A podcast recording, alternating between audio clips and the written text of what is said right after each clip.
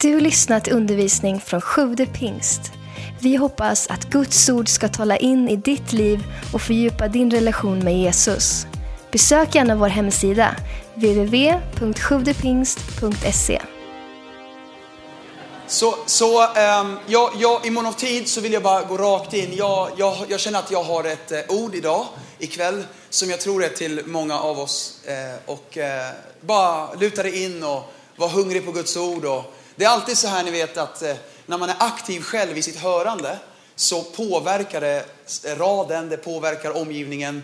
Men sitter man passiv så händer ingenting. Tänk på Jesus. Eh, jag, jag, brukar, jag sa till en kille så här en gång, alltså, han gick ut från mötet, så sa han, jag fick ingenting av mötet. Jag fick inte ut någonting av mötet. Jag bara, men bror vad la du in? och det är så lite, du får vad du själv lägger in. Eh, ska du ha det, eh, sträck dig efter Jesus. En kvinna kastade sig från en klippa och rörde hans kläder och hon blev helad. Och, och Jesus sa, någon rörde vid mig. Men Jesus snälla, alla tränger sig på, alla rör vid dig. Men hon rörde i tro. Och på grund av det så blev hon, fick hon ett mirakel. En man som inte riktigt kunde komma fram, han klättrade på ett träd och Jesus la märke till honom och sa Sackeus, idag ska frälsning komma till ditt hus. För han ansträngde sig lite för att göra, visa sitt intresse för Gud. En annan var blind och inte kunde riktigt komma fram till Jesus. Han ropade efter Jesus och alla sa till honom, tyst, det är mästaren, påven är här, var tyst, visa respekt. Så, eh, men vet du vad han gjorde? Istället för att liksom backa och bli tyst för att alla andra sa det och ingen annan i kyrkan eh, var, liksom, ropade. Han, det är så att han ökade sin röst. Han, han, han ropade istället. Från att han, han frågade efter Jesus till att han började ropa. Så eftersom de sa så här, locket på på dig. Han ropade och det står att Jesus gick till honom och sa, vad kan jag göra för dig? Och Bartolomeus, eh, eh, Bartimeus den blinde, i, han, blev, han fick sin syn tillbaka. Det finns otroligt många berättelser i Bibeln där om du rör vid Gud, då kommer han röra vid dig. Gud kan inte inte röra vid dig om du rör vid honom. Så jag vill bara peppa dig, var aktiv i ditt hörande. Så eh, det betyder typ så här, säg amen, säg halleluja, säg kebab, så säg någonting. Så jag vet att ni är där ute. Är ni med på det? Så let's go loco ikväll. Jag tror att Gud vill tala till dig. Och, och förresten, så här är det också, du påverkar dem du sitter bredvid. Genom din glädje, ett leende smittar. Eh, eh, en applåd smittar. Eh, om du ska dra, dra igång en brasa, då är det bra att trycka ihop veden.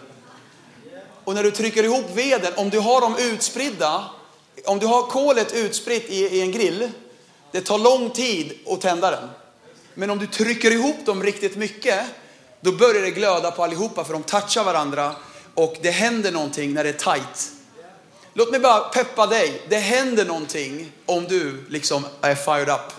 Det brinner till här och det brinner till här och det brinner till där och det brinner till där. Och när Paulus och hans kompis Silas bestämde sig att ändå prisa Gud i ett fängelse när ingenting sa i omständigheterna, nu är det dags att prisa Gud. Det var verkligen pissilla för dem. De var kedjade, de hade fått stryk för att de tillhörde Jesus. De var fängslade och skulle avrättas, det var planen liksom. Och så, och så är de i fängelset och så står det i Bibeln så här att eh, eh de prisade Gud mitt i natten.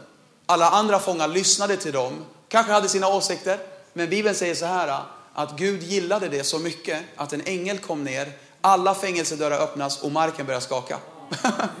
Det händer någonting när ingenting talar för det, att du ska prisa Gud och tacka Gud och lyfta dina händer och du ändå gör det. Det säger någonting.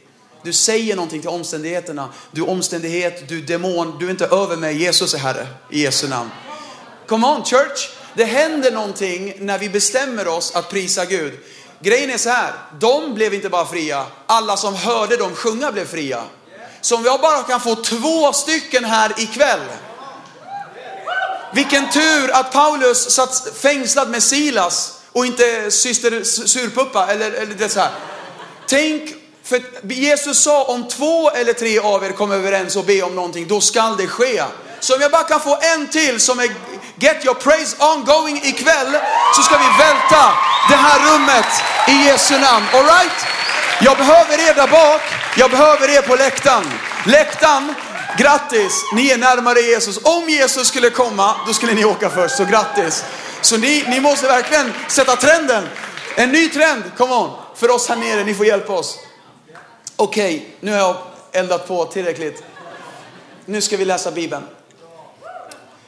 Um, vi ska läsa en, en vers som jag tror är ett ord till oss ikväll. Och om du vill så kan du bara ta fram din telefon och anteckna det, för jag tror att det är ett ord till dig. Det kanske är så att det är också ett ord till eh, er kyrkgrupp som kom hit ikväll. Eller är du här och gästar kyrkan idag? Du kanske bara tittar in. Du kanske inte känner Gud och så. Vet du vad, det är, så som vi håller på nu, det är helt normal kristendom. Vi tror inte Jesus dog, vi tror att Jesus uppstod. Därför är vi jätteglada. Och du är jättevälkommen hit och du är mer än välkommen att upptäcka tron på Jesus. Och i slutet av den här predikan så ska jag fråga om det är någon som vill ta emot honom och få syndernas förlåtelse. Då kan du vara med i den bönen och säga Jesus fyll mitt hjärta. Om du testar och ber den bönen så kommer Gud fylla dig. I promise you. Så vi läser den versen nu och det är från gamla testamentet en liten bok som heter Mika. Han var inte finsk. Mika. Nej. Mika. Kapitel 4, vers 9. Här kommer det. Varför ropar du så högt? Finns det då ingen kung hos dig?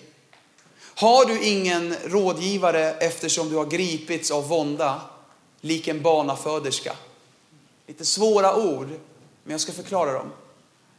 I engelska bibeln står det så här. Is there no king in you? Finns det ingen kung i dig? Profeten Mika, han var en profet. Profet betyder att man hör Guds röst och berättar vad Gud säger. Han blev skickad av Gud för att profetera i en situation där landet verkligen misströstade. Alltså de hade det pissilla. Det var riktigt illa. Ett folk, babyloniska folket, ett annat folk i ett annat land, de hade kommit in och skövlat hela landet. De hade kidnappat de smarta och intelligenta, de som hade potential, till sitt eget land. Och sen hade de massdödat alla som de inte tyckte var värda något. Och så hade de bara lämnat små barn och lite äldre och lite sjuka som de ändå inte ville ha. Och inte bara det, de rev ner Jerusalems murar. Det var liksom stoltheten för dem. De rev ner hela landet och, och de brände upp allting. Och kvar var bara liksom små barn som springer runt och gråter och ett skövlat folk. I den här situationen skickar Gud Mika för att profetera i den sitsen. Kan ni tänka er vad tufft det måste ha varit? Det, det, är mycket värre än vad vi någonsin kan tänka oss. Tänk er Syrien och Isis har dragit in. Tänk dig Irak och, och eh, en, en terrorgrupp har bara förstört allting. Ingenting är kvar. Kvar var bara ruinerna och askan av en gammal era, en gammal kungatid som nu är borta. Inte nog med det. När, eh, Babyloniernas kung, eh, babylonier och assyrier är typ samma folk, jag är assyr så jag kanske säger namnen lite annorlunda. Eh, men kungen heter Nebukadnassar. Nebukadnassar står det i svenska bibeln. Han var kungen i Babylon. Han gjorde inte bara det, han ville totalt förnedra kungen i Israel. Den kungen hette Sidkia. Det är lite så här äh, bibelundervisning nu, men du kommer snart bara wow, det här är ett ord till mig. Men jag vill, jag vill sätta upp historien så att ni alla hänger med.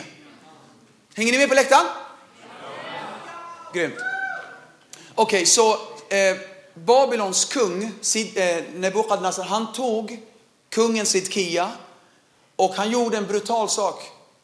Han ville förolämpa honom och bara göra honom till åtlöje. Så han tog, av, tog honom, böjde hans knä, tryckte ner honom, vakter gjorde det. Och så tog man eh, Sidkias egna barn och så avrättade eh, vakterna barnen framför kungens ögon, hans egna barn. Detta för att riktigt förolämpa, och inte bara det. Kungen Nebukadnessar han petade ut hans ögon också. För att det sista hans ögon skulle ha sett, det var att hans barn avrättas framför honom. Det här för att göra honom till åtlöje, det här för att förnedra hela Israel. Det här för att liksom säga till dem, det finns ingen chans för er att resa er igen. Och man släpar honom i kedjor och alla folket ser den store starke kungen, utpetade ögon. Han gråter, han är förstörd och han är kedjad. Och nu kommer Babylons kung med sin trofé. Trofé, kungen Kia, förnedrad.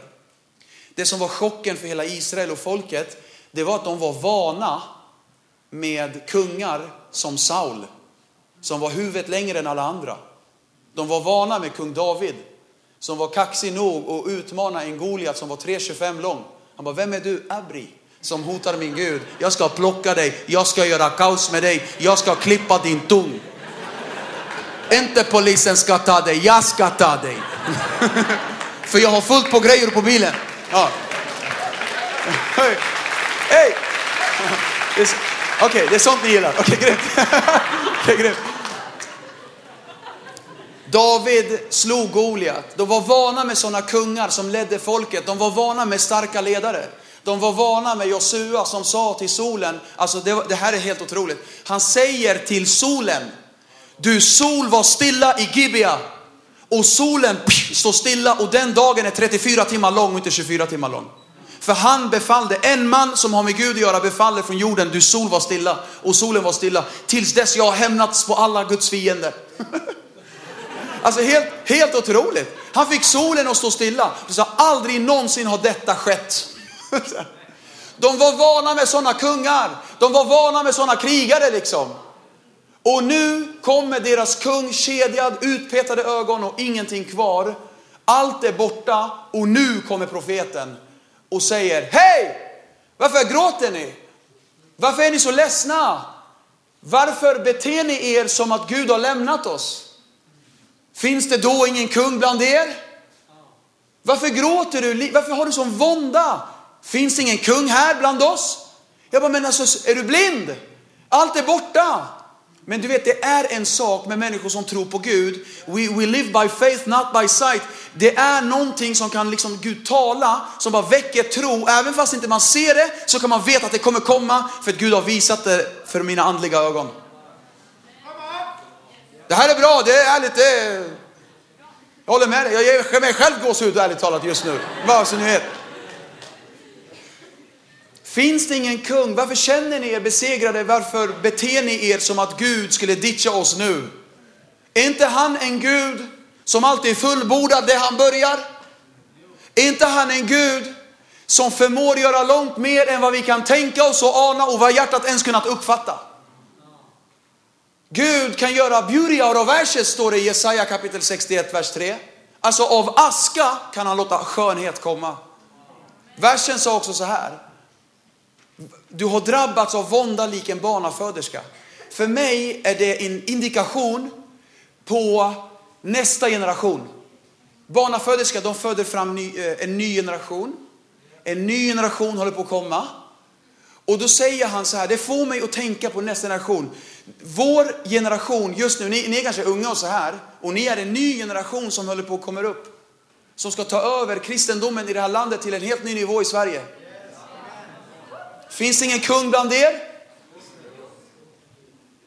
Men den här, i det här fallet var det liksom, de tänkte på sina barn. Vad är det vi lämnar till våra barn? Och då sa han, hej, finns det ingen kung bland era barn? Finns det inga kung bland ungdomarna i kyrkan? Varför beter ni er som att vi är nedläggningshotade? Finns det inga kung i kids?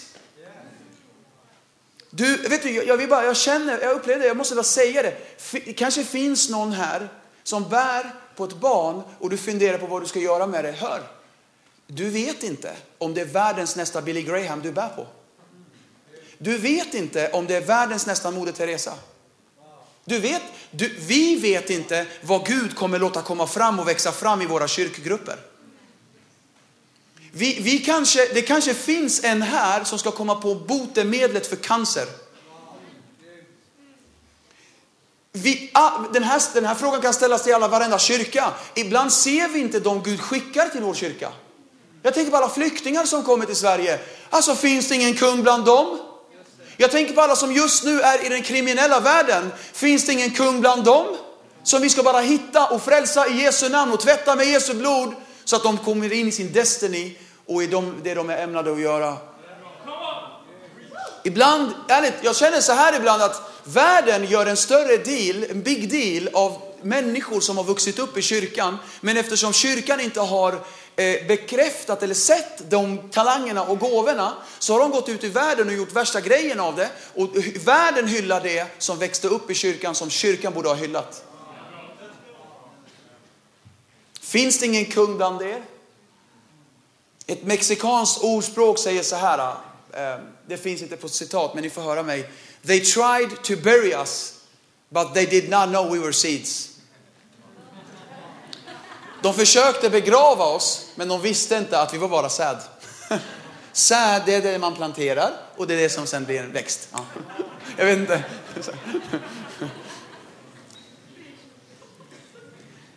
En man vid namnet Mr Kimball, han var en söndagsskolelärare i Boston, USA. En dag så märker han att en av ungdomarna han hade i sin, ton, eh, i sin eh, mellanstadiegrupp, en 12-årig pojke, inte längre kom till kyrkan. Han eh, bara fick nöd för honom. Var, liksom, var är han? Var är han? Var är han? Han började fråga runt i kyrkan. Vart är den här unge pojken? Vart är den här unge pojken? Och, och ingen riktigt kunde peka på det. Och så var det någon som sa, just det, han har ju flyttat till Chicago. Han har ju flyttat härifrån. Han, han bor inte här längre. Aha, okay. Så släppte han den tanken. Flera år senare, sju år senare, i bön, så kommer den här killen upp i hans tankar igen. Sju år senare. Jag undrar var han är och hur det går. Jag ska ta nog och ta reda på det. Så han tar reda på att han bor i Chicago nu, han är 19 år gammal. Och eh, han bara liksom fick nöd för honom. Så mycket, till den milda grad att han åkte själv till Chicago. På den tiden transportmedel var så enkelt. Det här var länge sedan. Han åker till Chicago, en lång, lång resa, flera dagar. Och så kommer han till Chicago och så får han reda på att han, den här killen jobbar i en sko, skobutik idag. Han är skomakare. Okej, okay, så han, han går runt, alltså han visste inte vilken. Så han går runt i varenda skobutik och letar efter den här killen. Och för att han fick sån nöd för honom. Han, bara, ja, han, han, fick nöd för han såg inte honom längre i kyrkan. Han, tänkte, han var lite orolig. Vet du, det är alltid ett orosmoment när folk inte kommer till kyrkan. Det är någonting som inte stämmer. Ja, men jag, jag tittar på internet och har min tro där. Men lägg av. Du behöver gemenskapen. Ingen är stark själv. Så, här, så, eh, så eh, det, det, är värt ibland att åka långt för att gå någonstans där man får en livsinjektion och det som räcker i tre veckor. Det är värt. Det är värt. Så Ehm, han, han, hit, han går till de här skobutikerna och så plötsligt så hittar han honom i en av de här skobutikerna. Där står den här killen. Nu hade han skägg och han var lite äldre. Han var 19 år. Han var hej, do you remember me? Och den här killen blev ju bara oh no, så han duckade liksom. Han har ju försökt gömma sig för Gud. Han har ju försökt dumpa det här med tro. Han var besviken på någon i kyrkgruppen så han lämnade allting. Och så sa han bara yeah, yeah, hi, hi Mr Kimball, så här, och försökte ignorera. Han visste ju vad han ville på något sätt. Så sa han bara, men jag sitter här och väntar på dig tills du har avslutat ditt pass. Jag satt, satt i sex timmar. Sex timmar, bara väntade, log, var glad. Och bara bad i anden att han ska få prata med honom. Så, så liksom slutade han sitt pass och sa, Mr Kimball, why are you doing this? Why? Då sa han, because I see a king in you. And you're coming back to church with me. Du ska tillbaka till kyrkan. Den här pojken hette D.L. Moody.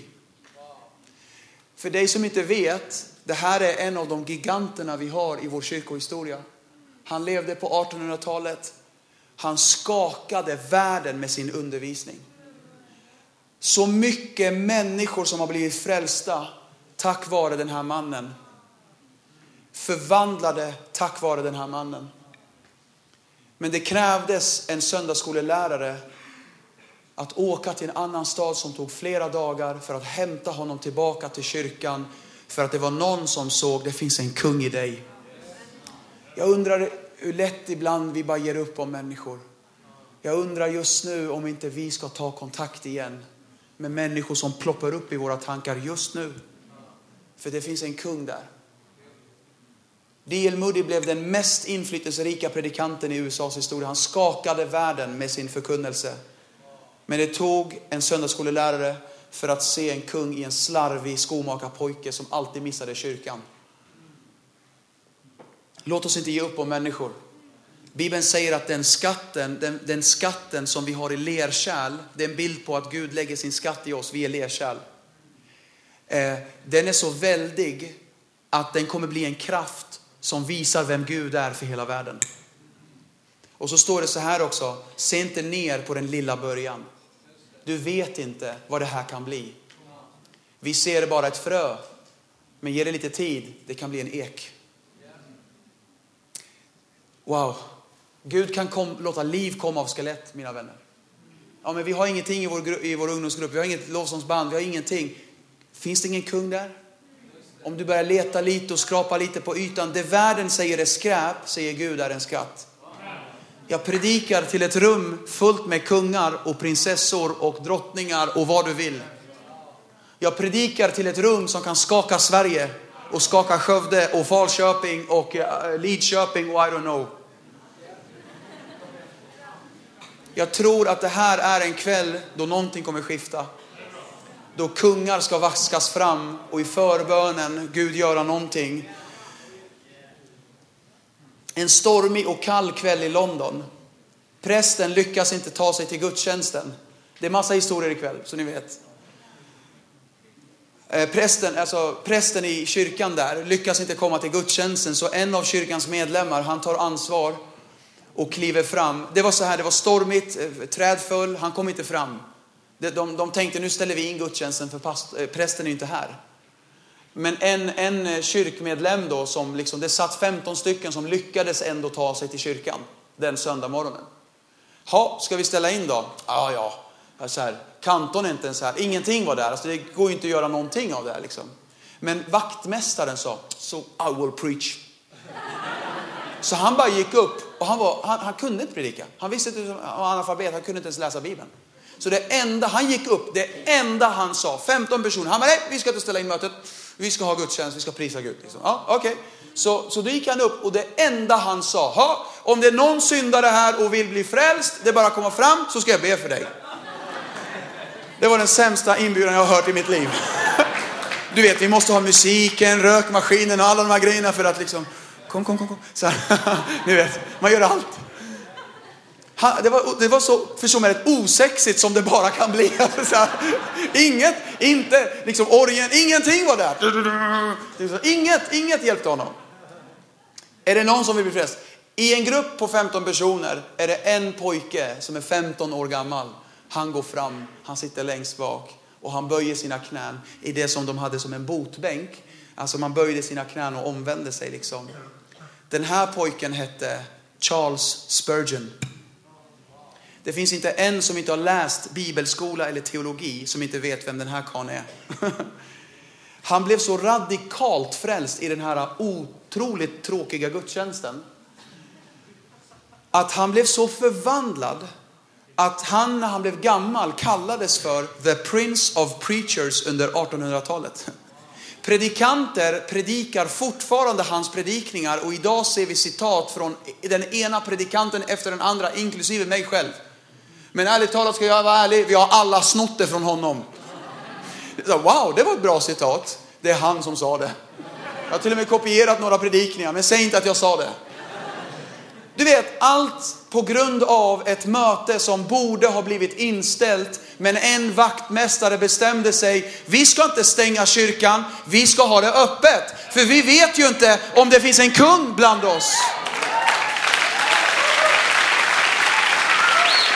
Charles, undra om den där vaktmästaren kunde ha anat att Charles Spurgeon skulle bli världens första megapastor, megachurchpastor i världen. Han byggde en kyrka med en kyrklokal som hette eh, Metropolitan Tabernacle. Den rymde 6000 sittplatser. Aldrig någonsin i den protestantiska världen hade det byggts en så stor kyrka. Den finns fortfarande, där är bilden. Hans böcker blev publicerade och fortfarande läser varenda person som läser teologi, läser hans böcker. Om du har missat dem så undrar jag vad du håller på med. Men du vet, allt för att egentligen borde vi ha stängt igen, men det var en som bestämde sig, vi ska göra det. Och kolla vad frukten blev. Visst är det bra? Jag tror det finns kungar i Skövde. Jag tror det finns kungar i varenda kyrka som är representerad här. Jag tror det finns kungar bland alla flyktingar. Jag tror det finns kungar som har kommit här hit från Afghanistan. Jag tror det finns kungar som har kommit hit i flykt från Irak. Jag tror det finns kungar överallt. Vet du vad vårt jobb är? Att älska dem så radically they wonder why, att de vill bara ha det. Och vi ska hitta guldet i dem i Jesu Kristi namn. Med den helige Andes hjälp. Suzanne Wesley hade 22 barn. Abo! Jag skulle inte vilja gå dit och äta söndagsmiddag. Ah, mannen vad jobbigt. 22 pygmé-terrorister som bara springer runt. Ah, vad jobbigt. De hade ingen tv på den tiden. Okay. Barn nummer 18. Barn nummer... Barn nummer 18 hette Charles Wesley. Charles, kanske ringer någon klocka för någon. Han skrev så mycket lovsånger när han blev äldre att i, även idag så sjunger vi hans lovsånger i, i kyrkorna. Hans eh, barn nummer 17 hette John Wesley. Det var han som grundade hela metodiströrelsen som fortfarande finns idag. Tusen och åter tusen kyrkor över hela världen. Hon, det kunde vara så lätt, oh, vilket, de här, det som skulle varit en för, för välsignelse, det blev en förbannelse, vad jobbiga de här ungarna är. Men hon såg en kung i dem, hon fostrade dem på Guds vägar och bara hämtade dem till kyrkan allihopa. Undrar om det var krig på väg till kyrkan. Jalla till kyrkan ska vi gå! Ingen tjafs! In i bilen! Men det fanns ingen bil. In i hästvagnen! Jag vet inte. Hon mutade dem säkert med Hubba Bubba och allting för att de skulle sitta där. Och John, lille John räknade äggkartonger i taket, tyckte det var skittråkigt. Men det fanns en kung i honom och han grundade en rörelse som än idag finns. Oh my God. Bestäm dig snälla i det här rummet. Var inte halvdan för Gud. Bara gå all in med Gud. Du vet inte vad Gud har kallat dig till. Snälla, no more mellanmjölk i Sverige. Nu ska vi ha Zlatan-mentalitet. Vi ska förvandla. Vilken, det är jag som är kungen i Sverige. Come on. Ska du, ska du spela i division 5 och vara en mellanmjölkkristen? Eller ska du börja nosa på allsvenskan och elitserien och de nivåerna och bli, börja förändra världen lite grann? Men det kostar ganska mycket. Men vet du vad jag tror? Jag tror du har det i dig att vara en kung. Skulle han som har påbörjat ett bra verk i oss inte ge oss utrustningen för att fullborda det? Du kanske går igenom en ganska tuff period. Du kanske tänker ganska destruktiva tankar. Du kanske tänker liksom att du känner dig utanför och ingen gillar mig och sådana saker. Du kanske går igenom en ganska tuff period. Om du är gift här, kanske en tuff relation, kanske skilsmässa, kanske grejer. Men vet du vad? Vet du vad kungen i dig säger? Ställ dig upp och se mig göra min grej ikväll i Jesu namn. Vad har hänt med kungen i så många troende alltså? Man blir ledsen när man tänker på det faktiskt. Vad har hänt med de stora drömmarna? Nu hade, när du hade kungen i dig, när du var på Segeltorp förra året, andra dagen, du var all in. Men vad hände i höst? Vad har hänt med den stora drömmen? Vad har hänt med den obrutbara anden i dig? Vad har hänt med de stora bönarna där du sa there is more, det finns mer, jag ska ha mer? Res dig upp i Jesu namn och säg, vet du vad du ska säga ikväll? Säg till fienden och allt som har varit emot dig, gläd dig inte över mig du min fiende. Om jag har fallit så ska du bara veta, jag ska resa mig upp igen. I Jesu namn. Och större är han som är i mig än den som är i den här världen. Och den samma kraft som uppväckte Kristus ifrån döden, samma kraft verkar nu i mig. Och I will change the world i Jesu namn. Och jag har allt jag behöver. Let's go church, nu ska vi förändra världen. Let's go! Oh, come on! Vi har en kung i oss vars namn är större än cancer. Vi har en kung i oss vars namn är större än depression, hjärtsvikt, eh, självmordstankar. Vi har en kung i oss som är större än missmod och allting som vill komma emot dig. Vi har en större kung i oss än Jante. Vi har en större kung i oss. Det passar inte en stor kunga, kungason att ha jantementalitet. Det passar inte. Var försiktig så att du tappar kungens röst i dig. Annars är risken att saker du hade seger över börjar du faktiskt gå tillbaka till. Börjar smyga in igen. När Elia hade kungen stark i sitt liv, då sa han till 900 andra profeter i andra religioner, han var vilka är ni? Jag ska idag bevisa för er vem som är kungen i Israel. Och han sa, låt eld komma då. Och ingen kunde trolla fram eld. Han sa, kanske ni måste ropa högre, era gudar kanske är döva. Och så sa han till Gud, och sa han till, ja, lägg lite vatten också i det här, lägg lite vatten, lägg lite vatten. Så lägger de vatten, han ville göra det ännu svårare, han ska bara visa dem. Och så sa han, Gud låt elden komma. Och eld kom över Karmels berg Och inte bara över eh, Karmelsberg utan över alla 900 Balsprofeter också. Alltså det var så mäktig grej. För när han hade kungen var stark i honom, han var, han var, var jätterak i ryggen, hakan högt, stolt över Gud, gick frimodigt fram och sa och utmanade alla som var emot Gud. Men när kungens röst blev svag i honom, då fick han ett hot från en kvinna och han ville ta sitt eget liv. Hur kan det vara så ett skifte? Så är det också med oss. När kungen är stark i oss, vi blir otroliga i kraft. Men när kungen är svag i oss, när det, när det liksom, då börjar saker krypa på och ett litet hot, ett litet, en liten grej kan skapa sånt missmod att man vill ta med sitt eget liv. Så länge Petrus hade kungen i sig predikade han att Jesus är Messias. Och han var stolt över det. Men när han förlorade kungens röst i sig, då gick han tillbaka till fiskenäten och förnekade Jesus tre gånger i en liten lägereld till några små flickor.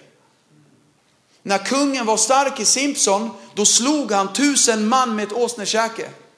När han tappade kungen i sig, då blev han bedragen av 60 kilo kvinna, det lilla. Hon lurade honom och han tappade smörjelsen, han tappade nåden. Men vet du vad den goda nyheten är? Elia fick tillbaka kungen i sig. Och när han fick tillbaka kungen i sig, då kom det en eldvagn ifrån himlen och hämtade honom. Han dog aldrig, Gud hämtade honom bara. När Petrus fick tillbaka kungen i sig, då stack han upp huvudet utanför ett fönster i Jerusalems portgränser och han predikade från en övre sal och 3000 människor blir kristna. Och de döper dem allihop. Det måste ha varit träningsverk den dagen i armarna alltså. Helt otroligt. När Simson fick tillbaka kungen i sig, Bibeln säger att hans hår växte ut. Och han fick inte klippa sitt hår. Och han, han, han, eh, håret växte ut och när kungen kom tillbaka så bad han Gud, Gud låt mitt sista varv bli starkare än vad mitt liv har varit. Och en bön av omvändelse, det sista varvet avgör hela, hela, hela loppet. Han bad den bönen och Bibeln säger att han slog fler i slutet av sitt liv än vad han gjorde under hela sitt liv. Somliga behöver bara få tillbaka elden och passionen och kungen i sig. Come on somebody. Din historia är fortfarande oskriven. Du vet inte hur våren kommer se ut och sommaren. Let's go! Gud kallar dig med en helig kallelse. En ung mamma tog med sig sin 15-årige son till ett gathörn i St. Petersburg i Florida. Hon sa till honom så här. Vänta på mig här så kommer mamma komma tillbaka. Pappan fanns inte med i bilden. Hon levde som prostituerad. Hon sålde sig själv för att kunna tjäna så mycket pengar så att hon kunde ta hand om sin egen son. Och i det här tillfället visste pojken, nu ska mamma jobba. Nu ska hon vara med män liksom. Och det var, han hade accepterat den tanken att så är vårt liv. Så pojken sitter vid ett gathörn och den här gången så var det så här att de sa vi ska flytta stad, vi ska börja ett nytt liv. Så de hade resväskorna med sig.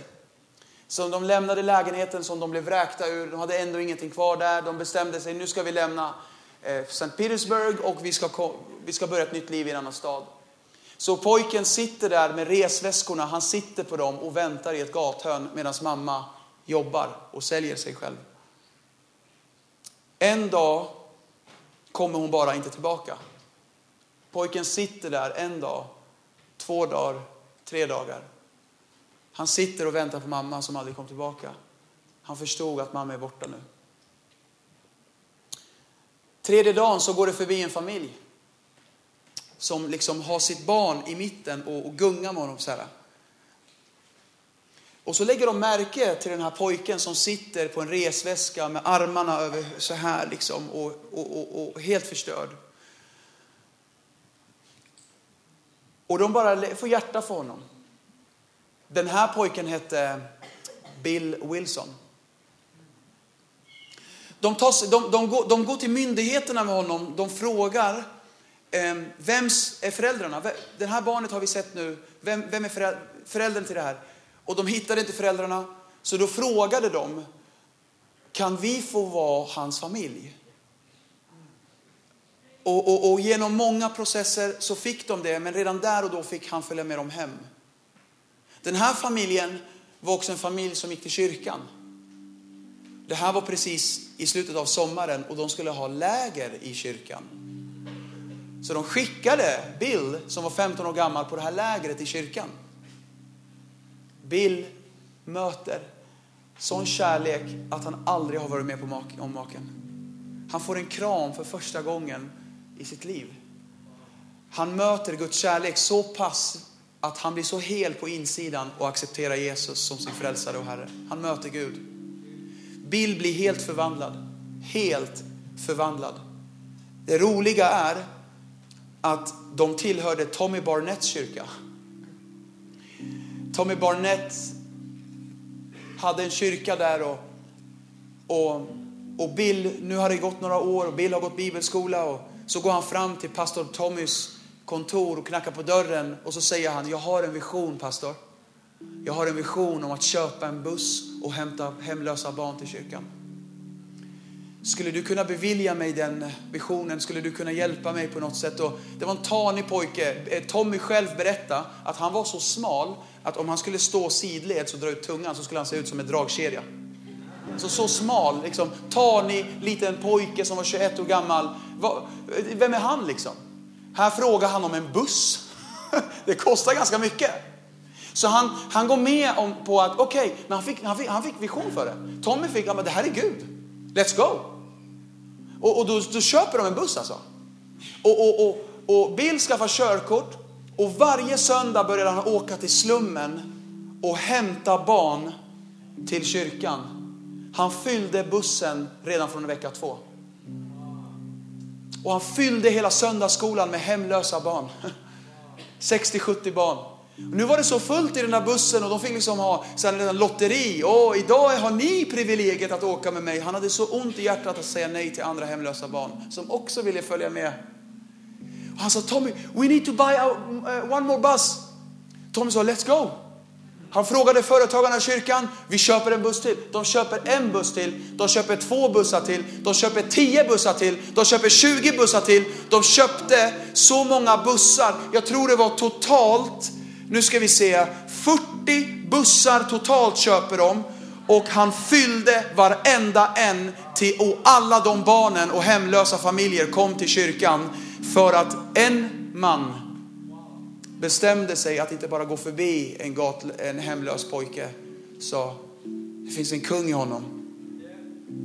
Bill flyttade sen till Brooklyn och startade en kyrka där.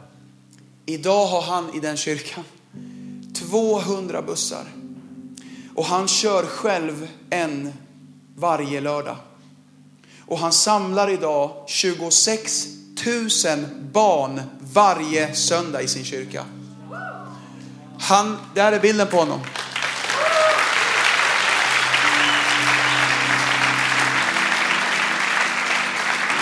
Det krävdes en familj som sa, vi ska inte bara gå förbi den här möjligheten. Undrar om inte det finns en kung i den här pojken. Och det krävdes en sån fantastisk pastor som Tommy Barnett som sa, jag tror på dig, jag köper en buss till dig. Och var är alla pastorer som bara tror på ungdomar och säger let's go, let's shake this place i Jesu namn. Var är alla ledare som bara sätter upp nästa generation? Bill har blivit knivskuren tre gånger. Han har blivit skjuten en gång. En gång när han predikade i Sverige så hade han precis blivit skjuten så det, det, det, det hela kinden lossnade. Så de sydde ihop hela kinden. När han, han, liksom, det går knappt att prata längre.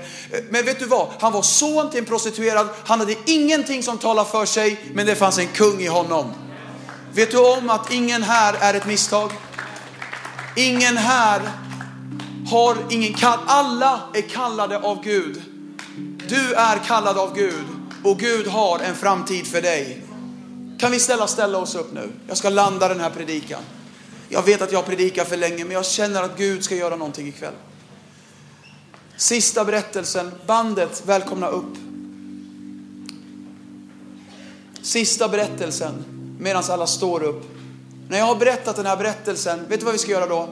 Vi ska sjunga som aldrig förr. All right? Vi ska lyfta händerna. Om inte du är van att lyfta händerna, vet du vad? Bara lita på mig, det kommer funka.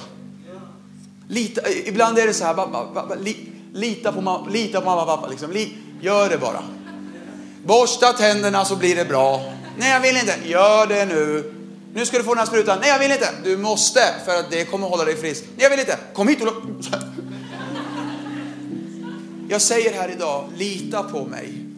Om du öppnar ditt hjärta och lyfter dina händer idag och säger Jesus, fyll mig, gör någonting nytt i mitt liv. Han kommer att göra det. Bibeln lovar, om ni söker mig kommer ni, inte kanske, ni kommer att hitta mig. Ludvig den 16 i Frankrike, han var kung i Frankrike. Han blev utkastad från tro, äh, av, sin, av tronen, av sitt eget folk alltså. Han hade en son, den här kungen. Och eftersom han blev utkastad från tronen så var det vanligt att man alltid avrättade den gamla familjen. Jag vet inte om ni har läst om det här. Du, du kan hitta det. Men man avrättade alltså hela kungens familj som var arvtagare så att den nya kungen kunde komma och träda i kraft och så. Det var en vanlig grej man gjorde när man bytte kungar och så. Den här gången så kom man på en lite snällare idé. Man tänkte, ja vi slaktar allihopa men vi behåller sonen. Så sonen fick överleva. Men vi, de sa så här istället, vi gör så här istället. Vi skickar honom till ett främmande land. Vi omger honom med det värsta gettot. Vi omger honom med våld, prostitution, alkohol, synd 24 timmar om dagen. Han får bo i ett horhus. De satte kungasonen på det värsta stället i flera månader. Men efter sex månader hör han drack inte en enda vindroppe och han hade inte gått en enda gång till en prostituerad. Och i sin frustration sa man till honom, vad är det med dig? Vad är ditt problem? Varför blir du inte som omgivningen du är i? Hans svar är en klassiker. Han svarade så här. Jag var född till att vara en kung. Min pappa var en kung.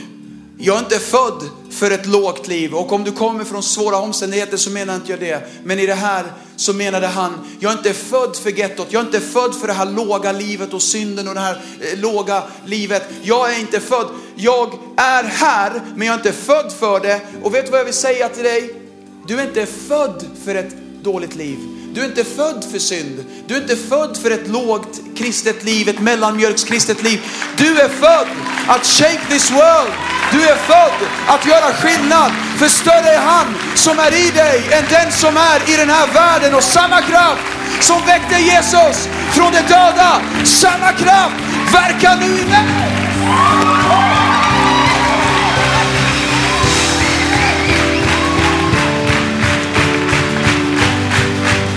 Lyssna på det sista citatet. Lyssna till det sista citatet. Du är inte född till droger, du är född till att leda. Du är inte född till ett lågt liv, du är född till att regera tillsammans med Jesus. Du är född, vet du varför? För din pappa är en kung och det passar inte en kungason att leva ett dåligt liv. Det passar bara kungasöner och kungadöttrar att leva ett ganska högt liv. Sätt en stor prislapp på dig själv, för du är väldigt viktig för Gud. Det passar sig inte att hänga med vem som helst. Hallå, jag är en kungason. Jag är en kungadotter som kommer i korridoren nu. Det är jätteviktigt. I Jesu namn. Sista citatet, sen ska vi sjunga. Mike Murdoch han sa, och ni får citatet på skärmen. Every man has a king and a fool in him. And the one you talk to will react. Varenda person har en kung och en dåre i sig. Och den du adresserar eller pratar till är den som kommer komma fram. Jag undrar vad säger, du till, vad säger vi till varandra? Pratar vi som dårar till varandra eller pratar vi till kungen i varandra? Hur pratar vi i ungdomsgruppen? Är det alltid moll och tråkigt eller ser vi potential? Är det halv, halvfullt, eh, eh halvfullt glas eller halvtomt glas? Det beror på hur du ser på det. För mig är det halvfullt, inte halvtomt. Välj att se det positiva som Gud lägger fram och börja adressera kungen och potentialen och det som kommer hända. Ska vi sjunga som aldrig förr eller? Ska vi lovsjunga Jesus? Let's go, take it away.